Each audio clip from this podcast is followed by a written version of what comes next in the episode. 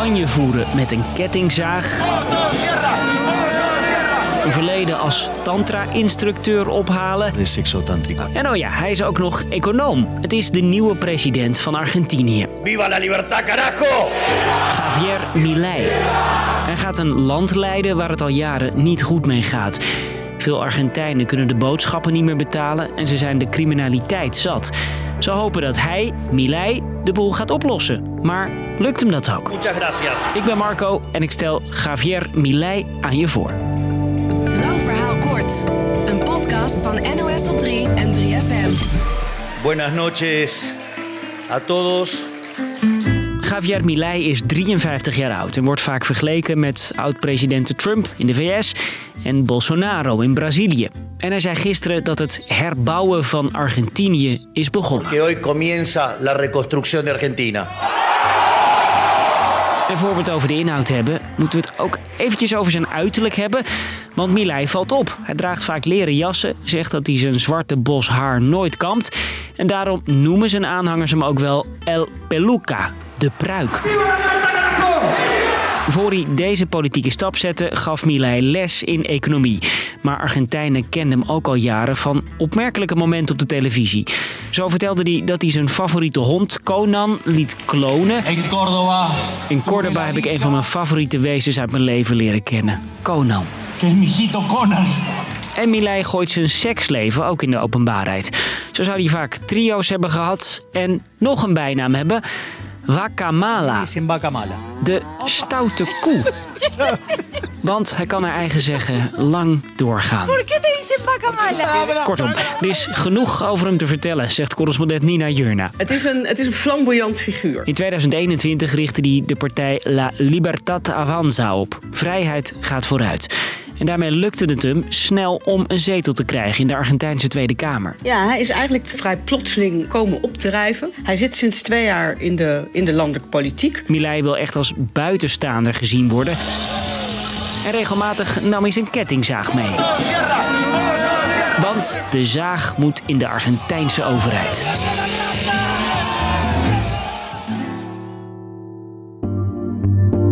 Veel Argentijnen zijn niet blij met de overheid. Ze vinden dat de regeringen van de afgelopen jaren hebben gezorgd voor veel problemen. Met vooral de torenhoge inflatie die pijn doet. Die inflatie, dat moet je eigenlijk zien als het nationale trauma van Argentinië. Zegt Michiel Bout, hoogleraar Latijns-Amerikaanse studies. Met als dieptepunt de jaren 70. Dat je s ochtends, eh, als je eh, dollars had, een kopje koffie kocht... en dan wisselde je net 1 dollar om een kopje koffie te kopen... omdat smiddags eigenlijk eh, dollar alweer meer waard was... en de koffie dus duurder in, in pesos. En ook nu wordt de peso steeds minder waard, zegt ook deze Argentijn. No existe precio. Lo que Prijzen bestaan niet. Na een week is de prijs alweer heel anders. Kijk, Argentinië heeft sowieso de afgelopen 10, 20 jaar... een toename van de extreme armoede doorgemaakt. Ruim 40% van de Argentijnen leeft onder de armoedegrens. Mede door extreem hoge inflatie. En daar zegt Milei iets aan te willen doen. Namelijk La dolarización. Hij wil eh, eigenlijk de peso argentino wil die vervangen door de dollar. Verder wil hij het abortusrecht inperken en de wapenregels versoepelen. Milei is super conservatief. Wat eh, je als ultraconservatief zou kunnen betitelen. Dus tegen vrouwenrechten, tegen klimaatzorgen, eh, tegen vakbonden. En de zaag moet dus ook in de overheid. De Cultura. Afuera.